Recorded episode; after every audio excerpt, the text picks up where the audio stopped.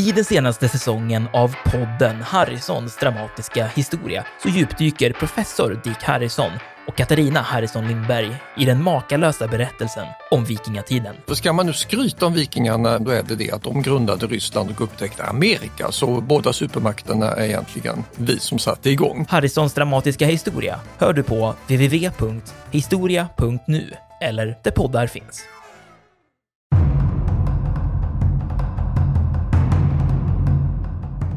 Man bombar ju de här städerna att man först har stora kvartersbomber som öppnar upp byggnaderna. Och man bombar på natten, det är ju britterna som gör det här. Sen fyller man på, så första vågen öppnar upp byggnaderna. Det är ganska infernaliskt.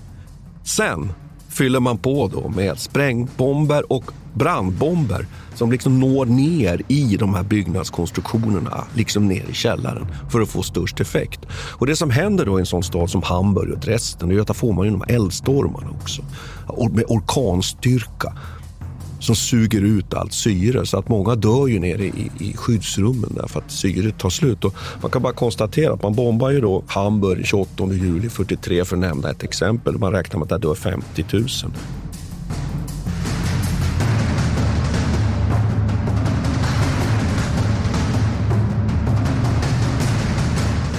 Militärhistoriepodden är podden om krig med människor och samhället i fokus. Programledare är Martin Hårdstedt, professor i historia vid Umeå universitet och Peter Bennesved, doktor i idéhistoria. Podden ges ut av förlaget Historiska Media. Stöd gärna MH-podden via vårt swishnummer 123 610 76 68. Märk betalningen med MH-podden.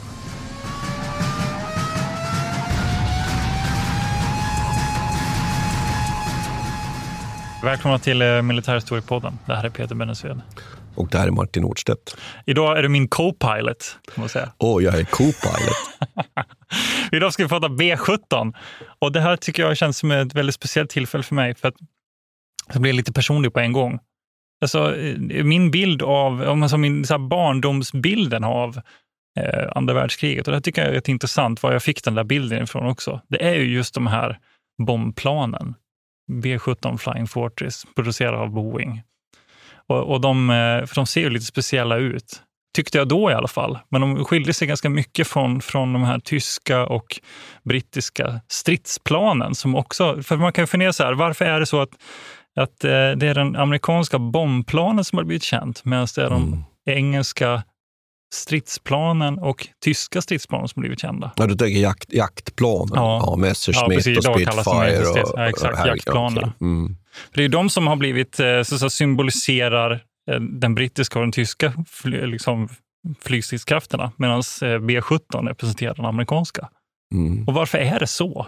Men då skulle jag vilja föra, föra fram, jag skulle, jag skulle, känna, jag skulle tänka så här, att för mm. mig så symboliseras ju nu kommer jag väl lite in på svaret kanske här, som jag ju tycker att, att den, den, tyska krigföringen, den, den symboliseras ju av Stuka och Junker 88. Ja, just det, du tycker det där ljudet. Det liksom, nej, men ja. det tak, att man använder de här taktiskt för att understödja. Medan eh, Spitfire, den symboliserar ju den brittiska försvaret av sina ja, öar under, under, ja, under slaget ja. om Storbritannien. Och kan det då vara så här att de här Flying Fortress, de symboliserar liksom den här Eh, övertaget, den här industriella enorma övertaget och de här bombningarna av Tyskland tillbaks till stenåldern. Att, ja. det, någon, no, att det är någonstans där, att det där är symbol. Men jag ska säga att det är, du, det är exakt rätt, Martin. Fantastiskt. Trots att jag är co ja. Nej, men det är lite det vi ska prata om idag. Så jag tänkte vi ska börja med, med det. Diskutera hur det blev så. För det, är inte bara, det, är inte, det handlar inte bara om symboler det här. Utan det handlar också om bara rena siffror, mm. Liksom, mm. vad man producerar och vad man satsar på. Mm. Och vi, kan ju, vi kan ju komma ihåg att, att till exempel eh, Messerschmitt Bf 109 produceras i 30 000 exemplar. Det är ganska många. Eh, några sådana motsvarigheter i USA vad det gäller jaktplan fanns inte. Och det, ganska sent inne börjar man, eh, börjar man bygga den här P51 Mustang. Mm. Men det kom aldrig upp i sådana siffror. Ja, det hann inte helt enkelt. De hann inte. Mm. Och de hade, men det är också det att de hade inte heller den ambitionen. För man tänkte sig att man skulle göra någonting annat med de här flygplanen. B17 var egentligen tänkt att ersätta jaktplanet på ett sätt. Och varför? Och det tycker jag är så himla intressant. Nu har jag ju spenderat väldigt mycket tid med att fundera på det här med bombtaktiker och civila och sådär. Och det är just att den här amerikanska synen på det här är så väldigt annorlunda än den europeiska. Och varför är det så? Jo, men det är ju för att de bor så långt bort. Ja, det är ingen som kommer bomba Nej, dem. exakt. De har mm. det här stora, Eh, de stora haven på båda sidor, vilket gör att de är liksom aldrig hotade. Eller var i alla fall inte det här, eh, på den här tiden. Och Det är det som är den stora skillnaden mot Europa. Och Det kan man komma ihåg då att eh, britterna ja, de befinner sig i väldigt nära Europa. Tyskland ligger liksom mitt i, och likadant Frankrike. Alla de här länderna satsar på medeltunga bombplan och jaktplan ska hjälpa varandra. Och väldigt mycket eh, luftvärnsartilleri. Och det har vi diskuterat tidigare också. Vi har gjort ett avsnitt om Bofors 40 mm. Eh, och så. Men i USA har man liksom en annan syn på det här. Och då tänker man sig att det man behöver eh, och är ju eh, inte att värna liksom civilbefolkningen från, från eh, bombplan som kommer in i landet, utan snarare behöver man använda luftvapnet för att göra strategiska nedslag på, och förstöra från andras eh, krigsmakt. Och Det är någonting helt annorlunda. Och Då funkar det ju bättre om du har tunga bombplan som kan åka väldigt långt.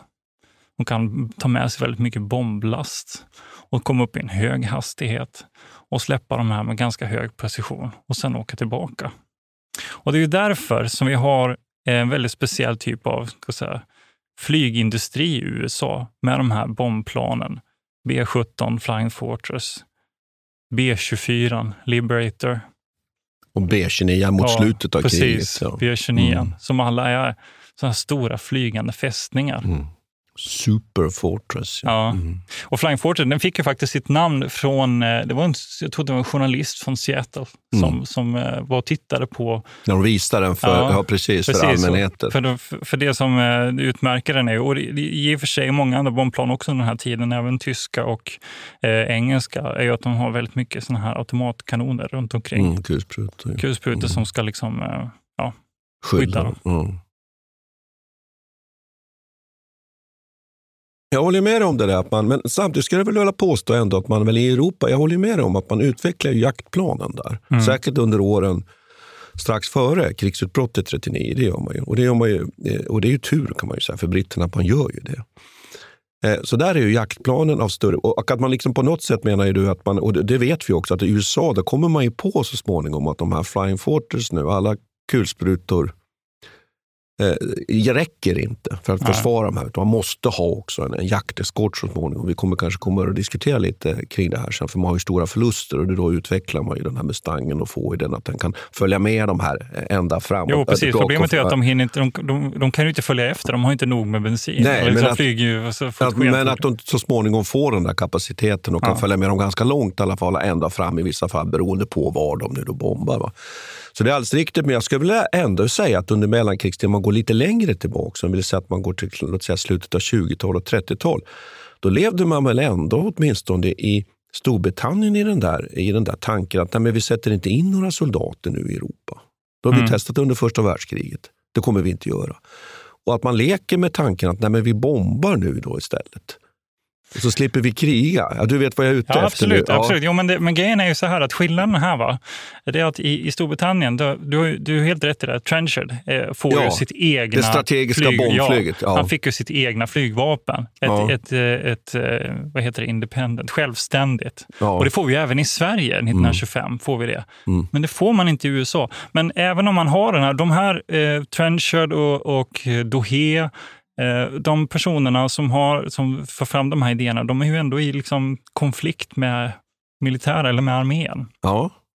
Så det är inte så att deras idéer får totalt genomslag. Även de vill givetvis framhäva sin egen eh, förträfflighet för att dels få äska pengar för att få nya flygplan. Men det är inte så att deras doktriner helt slår igenom i den militära planeringen. Och det får jag bara skjuta in och säga att det är väl till, till all lycka.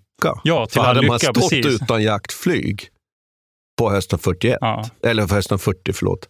Eh, då hade det blivit väldigt Exakt. jobbigt för, för Storbritannien naturligtvis. Då hade man inte kunnat, helt enkelt, då är ju risken sen- att det hade skett en tysk invasion. Absolut. Mm. Och sen kan man väl säga att det, det, det, där, det där har ju gått i vågor. Först så tänkte man att man skulle bara, eller ha väldigt Mm. mycket jaktplan och sen så kom man på att ja, men luftvärnet kan fungera ganska bra, bombplanen blir för snabba och sen kom man på återigen att jaktplan måste vi ändå ha. Så där, där har det gått, gått liksom i vågor i Europa. Men i USA har man ju inte något eget självständigt flygvapen. Och det är lite därför också som de har utvecklats på det här viset. De tyckte ganska tidigt att ja, men det här med jaktplan kommer inte vara så nödvändigt. Dels för att vi kommer behöva flyga långt och, och, eh, och de kommer inte kunna komma efter, men vi måste ändå ha folk på marken. Så man kan säga att de har ju redan från början, kanske klokt på ett sätt, gjort den här blandningen. Mm. Medan man i Europa först stötte och blötte två olika självständiga försvarsgrenar. Som Och sen, idéer. Ja, och idéer Mm. liksom om vad det här skulle Jakt hjälpa eller till. bomb, Precis. ja. Och sen mot slutet så insåg man att vi måste ha båda och sen har Mm. de det allt mer liksom sjunkit ihop och man har gått mer mot samarbete. Men då skulle jag vilja ta Tyskland också här. Ja. Därför där är det ju intressant. att Jag, jag uppfattar ju genom den inläsning man har gjort genom alla år att där, där handlar det ju väldigt mycket om att man, man ser allting mer som en helhet. Det är ju så att säga tyskarnas egentligen stora framgångskoncept. Att man, ju, man samverkar mellan markförband, pansarförband och flyget. Och att flyget ju mycket, som jag var inne på i början här, ju, att man, man vill understödja så att säga landarméns anfall och att man ju inte utvecklar egentligen något stort strategiskt bombflyg. Och du nämnde ju de här Heinkel 111 Mm. och Junker 88. Här, att hur det än är så kommer de aldrig att vara strategiska bombflyg utan det är ju mera medeltunga bombplan. Och det där tycker jag är spännande, att man i Tyskland aldrig tänker så långt utan att man tänker mer i i termer av att understödja, understödja sin landarmé, vilket ju är oerhört framgångsrikt Mm. under bland annat, ja det är ju en av skälen till att man ju kör över fransmännen i maj, juni 1940. Polen. Mm. Och Polen och så vidare. Och, så vidare. och även sen vidare under Barbarossa. Men att man ju aldrig lyckas egentligen under slaget av Storbritannien på, på hösten 40 har man ju inte det här. Tänk om man hade haft tunga bombplan av typen B17 att sätta in. Mm. Då hade det blivit tuffare för britterna. Utan man har inte riktigt den här strategiska möjligheten. Och den, det tycker jag är en spännande, spännande sak. Och att man, ju inte gör, man lyckas inte utveckla ett stort strategiskt bombplan Nej. som man sätter i serieproduktion. Nej, men det måste ju ha med geografin att göra. Det. Att man, Ja, man befinner ja, sig ja. och traditionen också av att hela tiden ha de här så nära inpå, ha sina Mm. närmsta fiender precis eh, liksom grannlanden. Ja, och jag tänkte på det, jag var bara för, några, för, för drygt en månad sedan faktiskt och åkte i de här områdena. Ardennerna, eh, Mös, eh, Sedan och de här slättområdena. Det är oerhört korta avstånd. Särskilt för en, Ja. för en norrlänning höll jag på att säga, så är det ju det. Och då inser man ju precis det understryker bara det du säger. Mm. Vad ska man ha strategiska bombplan för egentligen? Därför det här kan vi ju lösa med landarmé, med pansarförband och med, med underst- flyg som understödjer. Ja. Och så kan vi komma ihåg då också att eh, det som Dohe försökte föra fram och även Trenchard, eh, deras idéer, de, de hade ju någon slags föreställning om att vi skulle kunna undvika blodspillan. ja, det man hade sett på västfronten Ja, Ja. och då tänk, och att, under att, första världskriget. exakt. tillägga. Ja. Att man skulle undvika soldaternas liv eller så att spilla dem. Och, och målet var ju då att med bombplanet egentligen åstadkomma en politisk seger. Att man skulle kunna skrämma liksom, eh, civilbefolkningen och det politiska etablissemanget och få dem att liksom, ja, helt plötsligt börja föra diplomati istället. Och det är ju eh, någonting annat än, än att med strategiska bombplan så att säga, fullkomligt förinta din fiende. Det är två ganska olika saker. Man skrämma till politiska vinster eller bara bomba dem till stenåldern som Mm. du sa här i början. jo. Så det är ju, eh, och det är ju där, det är där eh, Guillou och Dohe är, så att säga. Mm. Och, och, så att, på ett sätt är det inte så märkligt då att man eh, ändå inte utvecklar något jättetungt bombplan, för man tänker sig att det inte kommer behövas heller. Dohe han tänkte sig att det skulle räcka med våra 300 kilo bomber mot brittiska Ja. parlamentet. Ja, och så bomba. Och det tycker jag är så fascinerande med den här italienske Ja. eh, flyggeneralen. Ja, det har vi glömt säga. Då, nej, men det Precis. kan vi Ja. säga. Så att, att hans tänkande var ju precis att du säger, att man ska ju, man ska ju verkligen terrorbomba motståndaren. För då vinner man snabbt en skrämseleffekt. Ja. Så tolkar jag ju honom. Ja. Och, och då viker motståndaren ner sig. Och så slipper man då ställa upp och kasta in hela, hela Exakt. åldersklasser av unga män som ska dö på slagfältet. va? Exakt, och ja. jaktplanens roll här är ju bara att skaffa dominans över luft, alltså luftherravälde. Och sen in med bombplanen. Precis. Ja. egentligen bara förstöra så mycket eh, jaktplan som möjligt på marken och sen så få luft för det här väldet och sen så in med bombplanen med några strategiska små punkter liksom, mot civilbefolkning. Och sen var det färdigt. Så det är ju, och, men den här, den här typen av taktik blev ju inte jätteframgångsrik kan man väl säga. Den, den liksom användes ju inte i någon större utsträckning. Nej, man prövar ju bombning i kolonierna och så där. Det är ju där man inleder. Ja. Men man kan väl säga så här att andra världskriget är ju, är ju tyvärr egentligen ett exempel på att, att, att den här typen av terrorbombning mot civilbefolkning och städer ju, den ger ju inte den där effekten Nej. som man ju trodde och snarare tvärtom. Så ökade ju, man gjorde ju undersökningar av det här efter andra världskriget väldigt noga. Vad fick våra strategiska bombningar för effekter? Det är klart att i vissa fall så knäckte det om det var så också att man lyckades träffa infrastruktur och sådana saker. Men terrorbombning av civila och, och stadskärnor och det medeltida Nürnberg och så vidare, det är ju nästan som man vill börja gråta när man tänker på det, vad man mm. har förstört. Mm. Eh, det gav inte den där krigseffekten Nej. i nedbrytning av den tyska civilbefolkningens eh, moral. Eh, och, och, även när de bombar liksom industrier och, och järnvägsknutar och sånt så går det, gick det väldigt snabbt att reparera det också. Ja. Jag fick inte den någon Nej, och, och, så egentligen är det lite tragiskt att hela den här idén då, som ju framförallt ju den här Bomber Harris, mm. eh, den eh, brittiska chefen för det strategiska bombflyget, det var ju framförallt britterna som sysslade med det här på nätterna, att man bombade stadskärnor i Tyskland. Så det är ju ganska tragiskt, mm. att alla dessa offer. Mm. Ja inte gav någon effekt. Mm. Man, man, kan ju tänka sig att hade det gett den där direkta effekten, då hade, det varit, då hade man haft större förståelse för det. Mm. Sen kan man ju naturligtvis ha den inställningen att ja, det var tyskarna som hade startat kriget och man gjorde allt som stod i sin makt för att få, få slut på kriget genom att knäcka tyskarna och man testade även detta. Men man måste väl alltid vara beredd att i efterhand sen ändå kunna kritisera metoderna, eller hur? Ja, ja absolut. Ja, ja, det finns många, många märkliga frågor att ställa kring det där. Alltså hur det eskalerar på det där viset. När man ska läsa in sig på det här avsnittet så tycker jag att det var, det var ganska svårt att hitta litteratur så som man brukar göra. För det, här, det blir alltid så när man ska titta på enskilda liksom, tekniska fenomen så som det här ändå är. Och då eh, hamnar jag i någon eh, dokumentär om eh, med lite intervjuer från såna gamla piloter som har mm, kört B17. Mm. De var ganska gammal. Mm. Från 90-talet, tidigt 90-tal skulle jag gissa. Och då sa de här piloterna någonting som jag eh, egentligen inte insett. Jag har ju läst så jäkla mycket om det här, va? om civilbefolkningen och deras lidande och alla de här moraliska frågorna om varför släpper man de här bomberna? Hur tänkte man? Hur resonerar man? Eh, vad är det som slår fel i liksom de här befälhavarnas huvuden som får dem att tro det här? Men så jag tror att det ska funka. Ja, att, att, att precis, att det ska ja. funka. Liksom. Och vad är det, eh, men vad är det då som de här piloterna möter när de är uppe i luften? Mm. Och då, då sa ju de här killarna, då, eller gubbarna var det vid det här laget, och sa att ja, men när vi är där uppe, när vi satt i vår B17 Flying Fortress, liksom, kulsprutorna dånar hela tiden. Man är i, i såna här skador med 30 flygplan som sveper in någonstans över ja, men Schweinfurt till exempel. Och så, så möter de då liksom, ja, men, 260 sådana här plan. Mm. Och så möter de en svärm 300 Messerschmitt Bf 109 som kommer upp. Det är som ett slag i luften. Ja, mm. det är som ett slag i luften. Mm. Han bara, vet du, det var allt vi tänkte på. Att överleva den här stunden, släppa våra bomber och ta oss ur det här helvetet levande. Mm. Liksom. Mm. Och det var mm. ändå många som dog. Jo, jo. Ja.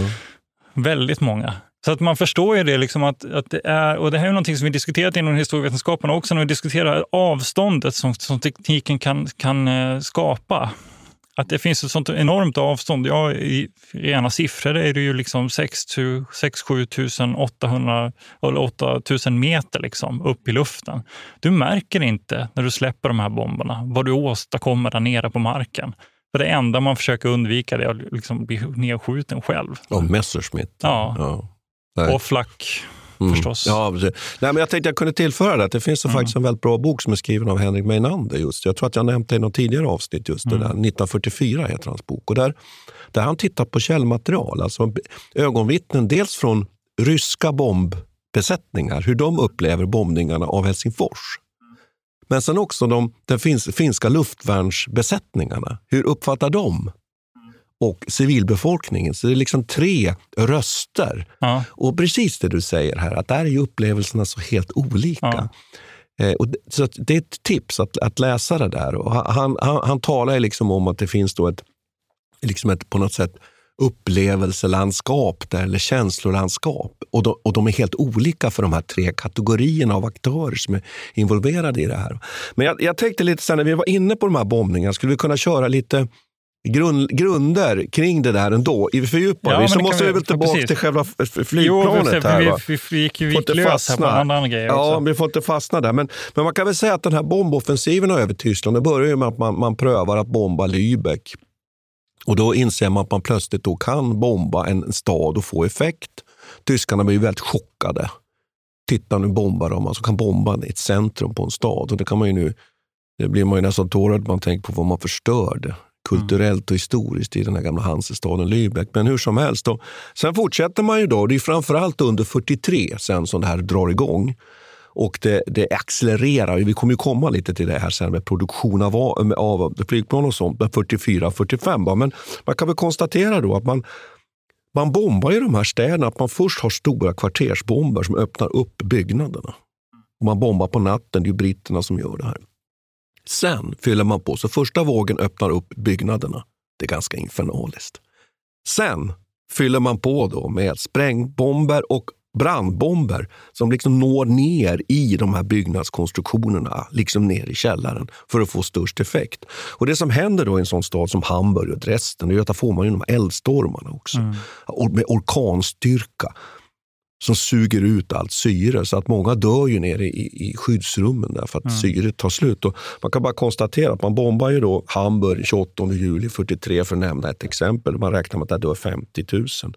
Och sen har man diskuterat mycket hur många som dör i Dresden när man genomför den bombningen eh, lite senare. Då, då är frågan, det, det är i, i februari 45, det är ju ganska tragiskt att det är så sent, 13 februari. Och där har man diskuterat eh, siffror på 100 000. Det är väldigt omstritt exakt hur många som dör, man vet väl inte riktigt. Men, men det, är, det är fascinerande att man, alltså, man, man, man sysslar med den här alltså, typen av bombmattor och systematisk förstörelse av civila Ja. städer. Och man, man, man, säger, man säger då att 43 då, så är ju, är ju en fjärdedel av, av Tysklands stö, 38 största städer är ju förstörda.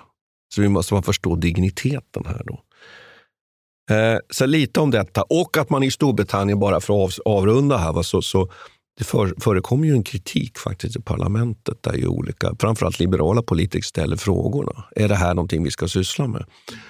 Eh, och ibland plockar man ju bort de här bombplanen från då bomber här för att använda dem till annat. Till exempel i samband med landstigning i Normandie använder man det för förbekämpning och så vidare. Men, men man kan väl säga att under egentligen två år i stort sett så sysslar man ju med den här systematiska bombningen. För att komma över nu en liten snygg övergång här, nu jag är ju Mm. co-pilot här. Eh, så för att komma till B17 så är det så att så här, amerikanerna håller ju inte på riktigt på samma sätt. Nej, precis. Jag tänkte just säga det. Ja. Det här är ju egentligen det är En intressant. brittisk Ja, precis. fråga. Det här är en brittisk fråga Ja. och de var inte riktigt överens. Nej. Och varför var det så? Ja, det finns ju några, många som har diskuterat att det var en slags, slags hämndaktion också från britternas sida. Att de var mer benägna att göra den här typen av råa civila Mm. eh, bombräder liksom, Mm. och bara bomba ner städerna totalt. Och de tillstår ju heller aldrig, för alla de här svaren i parlamentet, de är ungefär, nej men det här gör inte vi. Nej, nej, absolut inte. Så de får ju bara goddag yxskaft svar. Ja. Eh, och det är ju Men- fascinerande. Och det Men det är ju uppenbart att de har en annan strategi. De har inte lika... Nej, nej, men så är det. Ja. Och, det, och det, också, det kan vi komma sen när vi pratar om de här eh, flygplanstyperna, eh, lite med rent tekniskt och hur de såg ut och var gjorda, så har ju britterna en stor nackdel att deras plan är ju sämre försvarade. Amerikanska planen, B17 bland annat, är är starkare bestyckade och bättre bestyckade. Därför väljer britterna, för att inte ta så stora förluster, då, att anfalla på natten. Nu är det där väl en sanning med modifikation, för tyskarna lär sig sen så småningom ganska Ja. bra att hantera det. Men hur som helst, så, amerikanerna tänker ju på ett annat sätt. Visst. Nej, men de har ju... De har ju och samtidigt så ska man inte fastna för mycket i den här, för de är fortfarande skyldiga eh, på samma sätt Ja, som ja. britterna Ja. för det, det de ställer till med. Alltså, skillnaden är väl att de siktade in sig på, det är framförallt den här åttonde armén, då. de siktade in sig på att bomba de här stora industriella centrarna i Tyskland. Bland annat då Messerschmitt-fabriken ville de ju. Mm, Liksom. kullagerfabrik, Ja, kullagerfabriker, oljefält och sådana saker. infrastruktur. Och med den ursäkten kan man väl säga, att de, de här industriella komplexen fanns där, så kunde man ju så strök ju på något vis civila också med. Jag vet inte om man har gjort någon jämförelse. Eh, det skulle vara intressant att läsa i och för sig. Om Mm. liksom civila offer, amerikanska kontra, Kontra brittisk. brittiska. Jag tror jag är jättesvårt att Ja. räkna ut. Sen talat. så samarbetade de ju också hela tiden. Ja. Så att, eh, Spitfire var ju till exempel med som eskort. Och, Jo, jo. Ja, jo. Så att det, är lite, det är- lite svårt att se. Men det, det finns absolut en skillnad och den har man varit väldigt noga med att påpeka på amerikansk håll. Också för att inte liksom dra på sig allt för mycket skam för det- den här... Ja, Nej, men, och sen, sen tycker jag ju att man kan ju ändå inte samtidigt säga att det står nu två helt olika metoder. Den ena är bombmattor, aerial bombing, Ja. och det andra är precisionsbombning. För Ja. det är det ju inte. Nej, därför det det, det hade man inte. Men däremot så var man på amerikansk sida mera inriktad på att slå Mm. systematiskt på dagtid mot industrikomplex. Jo, och- men i alla fall så var det ju den strategin man hade med sig från början. Ja, som vi pratade du var inne i- på, ja. Exakt, Mm. alltså, man tänkte sig att det var så det skulle gå till. Men jag tror att det var nog ett svårt uppvaknande när man väl var på platsen och inse Mm. att det här funkar ju inte riktigt som vi hade tänkt oss. Grejen med Flying Fortress var ju också att det skulle vara köra o, eh, icke-eskorterat. Ja, att säga. det var ju klara med sig. det. Ja, Ja. precis. Men det var ju, kan man väl säga att det var en flopp. ja. Ja, men det, det Ska vi inte skratta här, Nej, men lite så. Ja. Nej, så men, Lite naivt tycker man ju så här i efterhand. Ja. Verkligen. Men de är ju inte, och tanken var ju att man skulle komma in med de här planen i så tät formation, så man gärna i, i grupper om tre då. Som i en spets så här skulle de flyga in. Och den samlade liksom kulsprutestyrkan där skulle vara nog för att, för att hålla undan den här svärmen med, med liksom Focke-Wulf och Messerschmitt som Mm, kommer upp i mm. luften. Men det fungerar ju inte, utan det fanns ju alltid lite sådana här blank spots. Efter ett tag så lärde sig tyskarna till exempel att de skulle gå rakt framifrån. Snett underifrån. Ja, var snett, ja precis. Snett underifrån, rakt, Ja. eh, rakt mot. För det hade de ingen, de hade inte, kunde inte bestryka med eldar. helt Nej, inte på samma vis. Nej. Och Sen, sen, eh, sen byggde man ju vidare nya modeller av V17 förstås, som försökte lösa det här problemet. där. Ja, Ja. så, så, så där har man ju försökt arbeta. Men det var ju egentligen, eh, det var nog ett kallt uppvaknande tror jag för Mm. amerikanerna. Och en av de mest kända räderna som man gör mot Schweinfurt, eller man gjorde flera räder mot Schweinfurt faktiskt, eh, är ju när de försöker bomba sönder de här kullagerfabrikerna. Mm. Och som jag antydde lite tidigare, då kör man ändå in med, med 264 B17-flygplan. Egentligen, de har ju några eskorter då med P51 Mustang och eh, även Spitfires, brittiska Spitfires som är med. Men det blir liksom misskommunikation, så de här glider iväg då åt olika håll och några vänder.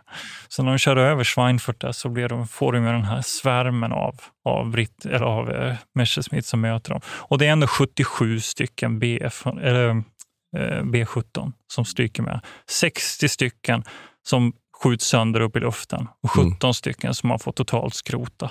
Mhm. Mm. Och det är en besättning på 2900 man ungefär som är uppe i luften vid det här laget. 650 av dem stryker med på ett bräde. Det är ju jättestora förluster. Det var ju liksom, det är ju en fjärdedel av deras luftstyrka egentligen. Så efter det här så, blir det så, så tappar de egentligen luftherraväldet över, över eh, Tyskland. Under en period, ja. Ja, ja. under en period. Jag kan ju nämna det att britterna förlorade 56 000 man i flygbesättningar under hela kriget. Ja. Och, då, jag har inte någon siffra nu på amerikanerna. Men, men, så att det är klart att ur det perspektivet, går man på Imperial War Museum i London så får man lära sig mycket om just de här förlustsiffrorna, att det är mer än 50 000 som dör och så Mm. vidare. Däremot lite tragiskt får man väl säga att man får inte lära sig så mycket om hur många som dör i de tyska städerna. Ja. Detaljer kring det och det är vi lite inne på det här återigen. Den här det är svårt för britterna att hantera detta. Churchill ville ju inte instifta någon kampanjmedalj, att man hade varit med i de här bombningarna. Så det är en svår sak. Nu är vi tillbaka på det där spåret igen. Ja, men, men, men i alla fall, att, Ja. att det där är intressant och att det är också tekniskt. Det är lite naivt som jag var inne på, att man tänker sig att det ska gå, att, att de ska klara sig själva tycker jag. Mm. Och att de hittar de här, men att man utvecklar de här eh, eh, flygplanen. Men att de amerikanska planen var ju så mycket bättre i sitt närskydd.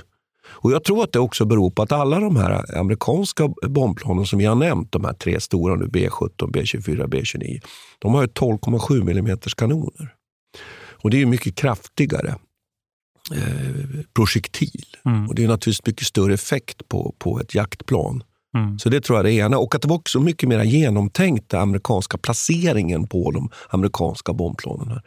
Medan britternas då, eh, bombplan, de har för det första bara 7 7,7 mm kulsprutor som är mycket, mycket lättare och inte helt säkert att de tar död på en Messerschmitt än som man träffar. Nej. Och det är det ena. Och också att, som jag uppfattar att ku- kulsprutorna är mycket sämre placerade. Och att man till exempel på den här, den här äldsta varianten, som ju finns redan 39 faktiskt, Halifax, det är ju det bombplan som faktiskt är äldst, som, som jag förstår det, som finns redan i op, operativt eh, gångbar 39. Den är egentligen helt tom på motmedel under. Så den är ju oerhört lätt utsatt eller lätt att skjuta ner om man kommer underifrån. Då. I, I princip, ska ju tilläggas. Då. Mm. Och Det är därför man också väljer att göra de här nattliga räderna. Då, för att man, man, och det gäller också den här Lancaster-bombaren, den klassiska brittiska bombaren. Här. Den har också mycket sämre beväpning. Så här finns ju en skillnad. Och det funderar jag lite på det du sa där. att Det är uppenbart att britterna har inte utvecklat sina tunga bombplan då, till det här självskyddet alls. Nej. Nej, men de har väl, eh, å andra sidan har- utvecklade de ju Submarine Spitfire. Den ett gjorde de och så hade de som det här kortare ja. avståndet. då. Att det, precis, det Ja. understryker nästan lite det du sa inledningsvis, att man tänker på olika sätt här och det märks till och med i den här konstruktionen. Jo, vi, ja, men jag tycker vi kan gå också, eh, det märks inte bara i konstruktion, det märks också i produktion. Ja. Kommer jag sa i början här, de byggde ungefär 30 000 Messerschmitt i Tyskland under hela krigsperioden. I, I eh, USA så byggde man ungefär 12 000 B17. Mm, Ungefär fem, eller mellan 5 och 6 000 av de här blev nedskjutna. just det. Mm. Otroliga siffror. Mm. Men, och det var bara, och det är B17. Och sen kommer B24, 18 000. 18 000. Mm. Så sammanlagt är det ju det här enorma. Liksom, man tänker sig helt enkelt att man ska liksom, outnumber bara med ren produktion egentligen och skicka upp de här planen. De har inte ens i närheten med P51, Mustangen vet jag inte hur många, hur många de byggde, men den, den kom in så pass sent också. Mm. Och det är likadant den här eh, britterna, Avro Lancaster på Mm. 7300. Och Halifax 6 000. Ja, Men det är ändå, tycker jag, stora siffror för Storbritannien ändå. ja det är det. Och Lancaster, ja, men- ja, det låter Ja. Men och Lancaster den kommer ju så att säga under Avro Lancaster. Alltså den är, kommer ju precis som många av de här, är inte opera, är operativa egentligen först något år in på kriget. Ska vi komma ihåg. Ja. Det är egentligen den här Halifax som finns från början. Sen kan man ju nämna det att britterna har ett antal andra bombplan tidigare. Både tunga och eh, medelstora. Som ju eh, dels inte fungerar i lyckade konstruktioner men som också är för små. Och Jag tänker bland annat på den här Blindham-bombaren som ju bland annat Finland har under kriget. Och nu fick jag in Finland, det var Ja, fantastiskt. det. Ja. Nej, men, Den finska kopplingen. Exakt. Nej, men, men, men, de, faktiskt, eh, Finland har faktiskt 90 stycken sådana Blindham och, och det råkar vara så då att Ja. min, min, min sambos då, farfar var ju chef för en bomb, bombeskador då, i, i eh, Finland. Då, flottilj. Och, och den används ju där. Va? Så det fanns ju andra typer. Så det, de vi bollar med här är ju egentligen de här stora, tunga. Så det är ju intressant. Men att det också fanns en... Och att tyskarnas då, den här Junker 88 och Heinkel 111 var ju medelstora bombplan, tycker jag vi kan upprepa faktiskt. Då. Men du, nu vill jag prata om någonting annat också med B17. Ja. För det var så här att, att ja, men nu har vi pratat lite om det här liksom, taktiken, hur de skulle, vad de skulle vara till för och sådär. Men som jag öppnade det här lite var det symbolvärdet också. Mm. Det var så här att jag, jag har kollat på en film. Oj. Äh, så jävla bra. Air Force eh, heter den, från 1943. För det visade sig vara en väldigt, väldigt känd film faktiskt. Och det här tyckte jag, och jag, samtidigt så läste jag en artikel som handlade just om det här med synen på demokrati också och, och liksom amerikanernas syn på det, var- var- varför de eh, engagerar sig i det här kriget överhuvudtaget. Och då börjar jag förstå lite mer varför vi till exempel eh, känner till B17 Flying Fortress mer än vad vi kanske känner till B24 Liberator, trots att det är egentligen den som, där man bygger fler av den. Ja. ja. Ja. Eh, Men ändå B17 på något vis som har symboliserat de amerikanska liksom, flygstridskrafterna.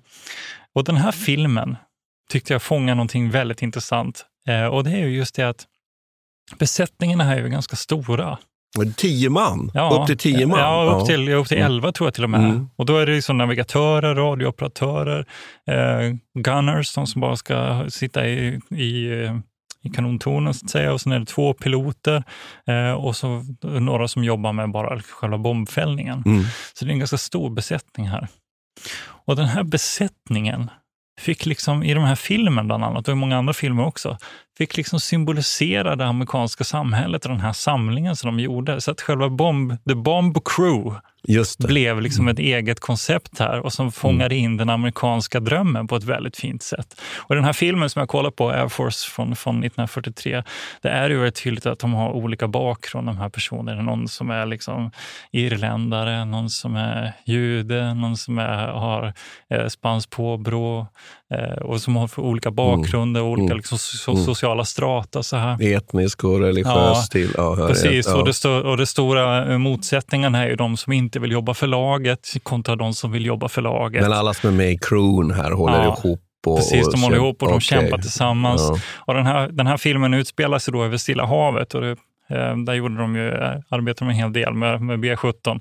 Eh, och och de, får, de är liksom uppe i luften precis när Pearl Harbor slår till. Då. Mm, mm. Och så får de göra någon nödlandning där och ta sig därifrån. Och så, så, ja, men jag ska inte avslöja filmen, för jag tittar på den. Den är faktiskt ganska spännande, otippat spännande. Mm. Men det fick ju mig att förstå det här att B17 är, har blivit liksom lite större än själva designen, just den här orsaken. Att själva bomb, eh, både strategin här, att man så, säga, strategiskt bombar, man ägnar sig inte, inte, i alla fall i grundtanken var inte civila offer, utan man ska strategiskt bomba viktiga center för att slå sönder den tyska eh, industrin.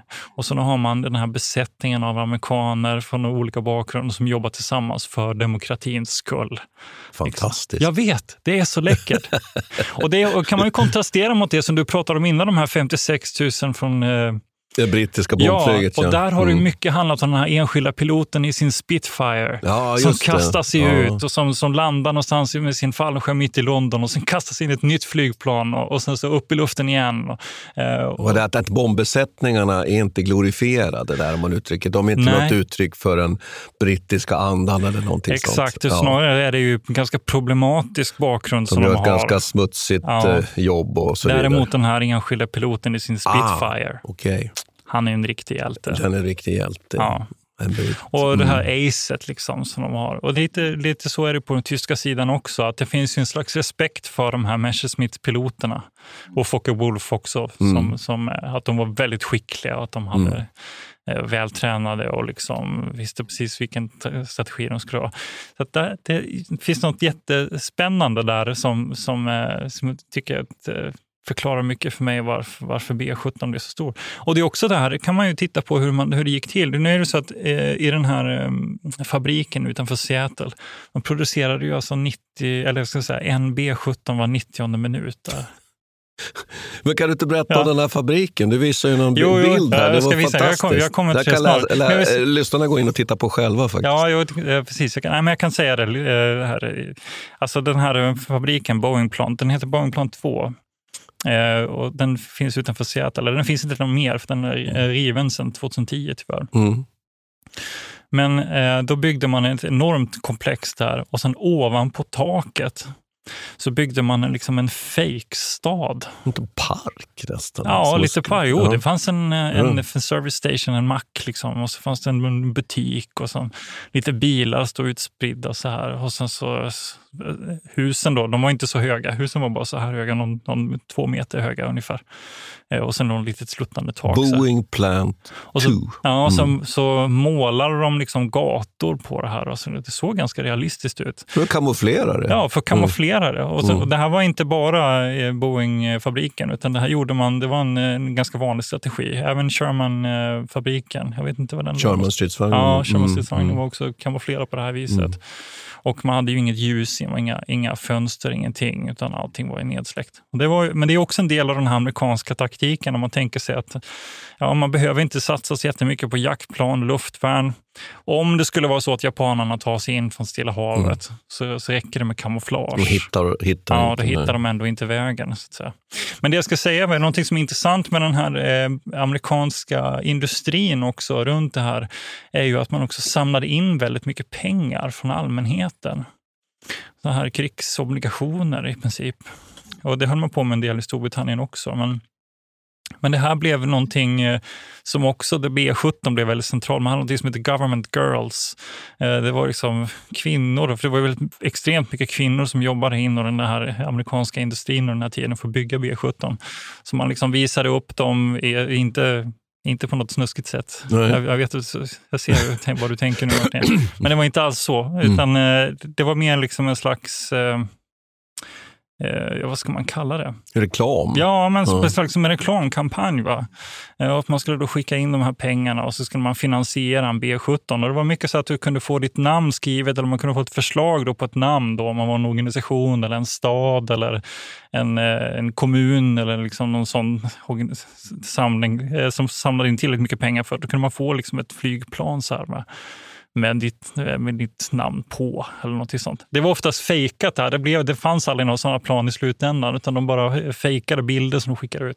Men det, var, det blev liksom en, en, eh, vad ska jag säga, en slags folkrörelse runt det här. Att man skulle vara med, även om man inte var med och, och stred och även om man inte jobbade i fabriken så skulle man vara med och så bidra till den här krigs eh, kampen då, genom mm. att finansiera mm. B17 och många andra plan också för den delen. Mm. Nej, men man kan väl, kan väl nämna, som du säger, att B24 eh, produceras ju faktiskt Liberatorn i, i större antal. Men sen har vi också, tycker jag, den här B29 Superfortress. Mm. Och då, då, tycker jag att jag skulle först kunna säga så här, vi ska ju komma ihåg att det fördes ju också systematiskt bombkrig mot Japan. Och där man ju bombade de japanska städerna och det är ju faktiskt också den här brandbombningarna av, av Tokyo brukar ju faktiskt nog lyftas fram som kanske de mest uh, devastating, mm. det står i litteraturen, men alltså de mest förstörande bombningarna som genomförs under andra världskriget. Mm. Hur man nu räknar det där och hur man jämför med resten av mm. Jag vet inte. Men, ja. men, jag vet, vet inte. varför? Nej.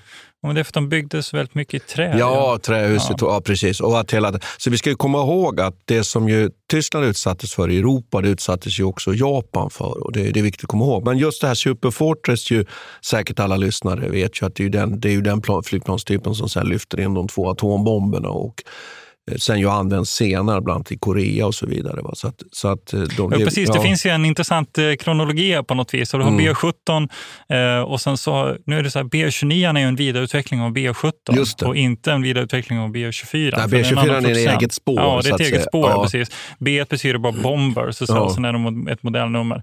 Så vi har ju en intressant kronologi här. B17, det symboliska andra världskriget-planet som var ute i Europa och sen har du 29 Superfortress. Superfortress som gjorde den här ikoniska bombningen av Hiroshima och Nagasaki. De gjorde också ja, andra ja, bombräder. Ja. Och sen har du då den här Stratocasten. Just det, B52. Ja, Som var liksom symbolen för den amerikanska kärnvapendoktrinen tid. Under hela kalla kriget. Ja. Just det. Och, och, nej, men så att de här, och det, det håller jag med om, att nu var vi inne på B52 här. Att, mm. att det är också en sån där symbol symbol för ja. någonting. I det här fallet, som du säger, liksom, den amerikanska möjligheten att lyfta in bomber över, över, över sovjetiskt territorium. Har du sett Dr. Strangelove? Eller? Ja, absolut. Ja. Det har jag gjort. Den är ju fantastisk den filmen. Men där har vi det där. Så ja. jag tycker att de här flygande fästningarna som du är alltså riktigt inne på, det är mycket, mycket mer än bara ja. en flygplanstyp eh, och krigföring, utan det är också symboler för någonting. Visst. Och, ja. så, och, och liksom, så stor skillnad det gör för USAs erfarenhet av kriget, att de är här ute och har hela Atlanten som avstånd till Europa. Mm. Och liksom, de har inte heller, eh, under första världskriget så blev ju ändå britterna bombade av tyska bombplan. De hade erfarenheten av det här ja, civila offer. Av, av luft, luftskepp faktiskt. Ja, ja. bland annat. Och, mm. och men, den erfarenheten finns inte i USA överhuvudtaget. Och det här märks jättetydligt när det blir lite sidospår här, men det väldigt, märks väldigt mycket i civilförsvarsforskningen också. Att, att amerikanerna har en helt annan... Eh, de är väldigt fokuserade på kalla kriget och liksom underjordsbunkrar och Atom, kärnvapen. kärnvapen ja, Medan man mm. i europeiskt perspektiv så har man liksom längre, längre tidsspann. Ja, men det här började redan under 10-talet i mm. Europa. Mm. Liksom. Mm. Ni är sena på bollen i USA. Men så tycker jag en annan sak som man kan också bara reflektera till så att det är väldigt klart här. Det är att det handlar ju om ett fysiskt droppande av bomber som ju egentligen är ganska primitivt, får man säga mm. så.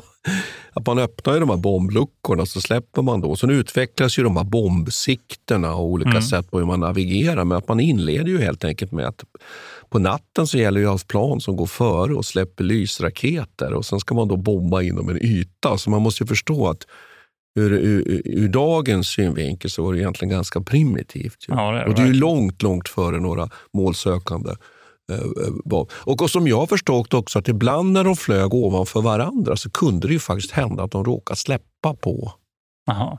under. Ja, fan, det är sätt jag tänkte Ja, på om det ja. hade hänt någon gång. Jo, Måste- och det, det finns en sån berömd bild faktiskt. Det har jag åtminstone sett en sån, just att det är ett plan Mm. under som har fått en, fått en stjärtfena avslagen då, av en bomb uppifrån. Ja, det. Så att, det fanns ju såna aspekter här också. Det var Men inte annars helt... är de ju kända för, för sitt Norden eh, Bomb Site.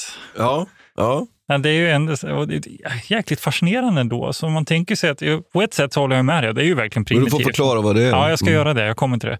Mm. På ett sätt är det, är det jäkligt eh, primitivt. Va? Men å andra sidan så kan man säga att man, närmar sig nu ändå en, en teknik i de här flygplanen som är ganska avancerad. Man hade faktiskt en typ av autopilot. Och den var faktiskt kopplad till det här. Det var, det var hemligt under lång tid, men det fanns Mm. någonting då som heter Norden Bombsite som var Mm. en slags en, eh, ja, men det måste, en primitiv dator egentligen. Eh, och som man kunde då ställa in och så siktade man in sig på målet och den hade då kontakt med den här autopiloten. Exakt hur det här gick till. Ni, Nej, det måste ju vara någon ja. signal med pe- att Ja, de pelade in och fick... exakt. Ja. Ja, Det finns säkert någon kunnig person som förstår hur det här gick till. Mm.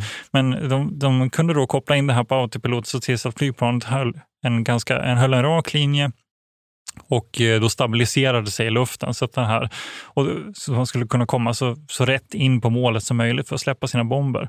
Och det här i tester så visade sig vara väldigt, väldigt effektivt. Man kunde få eh, upp till 23 meters eh, liksom, radie. Mm, Träffade mm. ganska bra. Liksom. Men sen i realiteten så Ja. funkar det inte. Nej. Ett problem är ju också med den här typen av strategi. Den här primitiva typen av bombningar när man måste liksom en ganska stabil linje och hålla, köra rakt. Det är att man är väldigt lätt nedskjuten av de här flackkanonerna tyska. Ja. Och man kan ju egentligen inte göra någon undanmanöver. Så har man väl kommit in på den här inflygningen, liksom, eh, Då är det bara att ligga kvar. Ja, då är det bara att ligga kvar. Eh, Även om man blir attackerad bara av jaktplan och av flak så är det bara att ligga kvar i linjen så länge man klarar av det. Liksom. Och så släppa Ja. ska. Ja. Och sen är det, när de ligger så pass nära varandra så händer det på tal om att de krockar. Så att ifall någon, någon eh, får sin ena vinge avskjuten till exempel kan det innebära att de kör in i ett annat plan. och så de krockar, tar med sig flera plan ner. Så här. Det är mycket, ja. Så ska vi komma ihåg också att man, man, man får inte glömma bort att tyskarna hade ett väldigt bra luftförsvar. Mm. Och Det beror ju lite på nu hur man mäter det där. Å ena sidan kan man ju säga att de lyckas ju inte så bra därför att städerna blev ju förstörda. Men om man ser Eh, proportionerna på insatserna mot vad de ändå lyckades, gö- lyckades göra så kan man ändå säga att de lyckades ganska väl.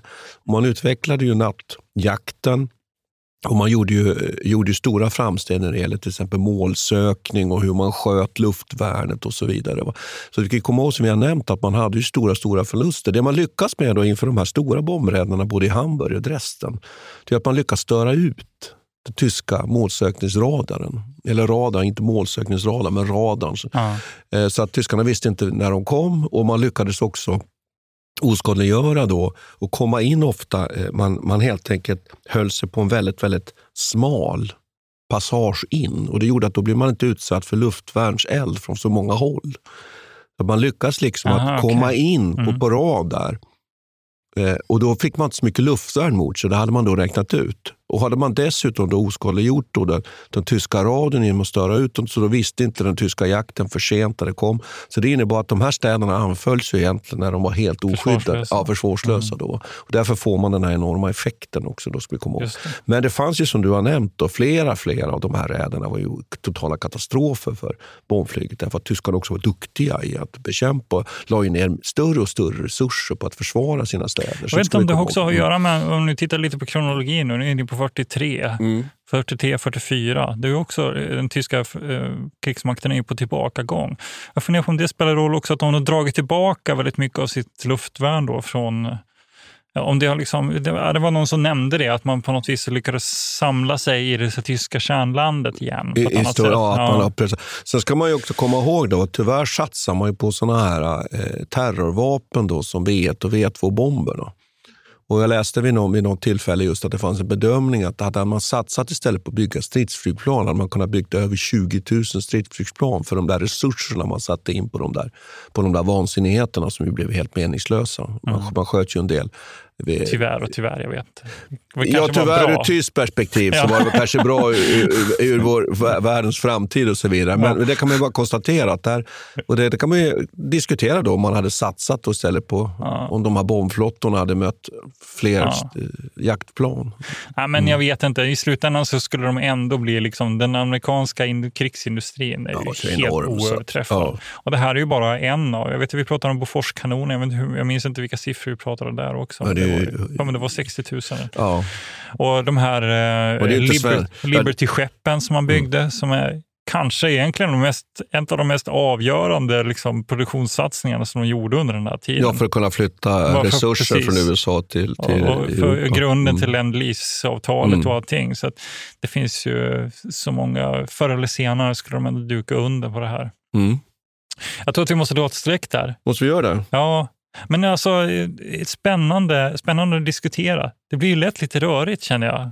Så här, när man, det är så många olika spår. Va, Men det är för att det är så många olika flygplanstyper, Peter. Ja, jo, det är ju det. det, är ju det. Men, eh, men vi är väl snart tillbaks. Ja, Och då är det faktiskt dags för Krimkriget. ja Ett hopp tillbaks. exakt. Eh, så att vi får tacka för att ni har lyssnat. Ja, tack Som vanligt, tack ska vi ha. Hej! Vi tackar Peter Bennesved och Martin Hårdstedt. Kontakta gärna Militärhistoriepodden via mejl på militarhistoriepodden historia.nu.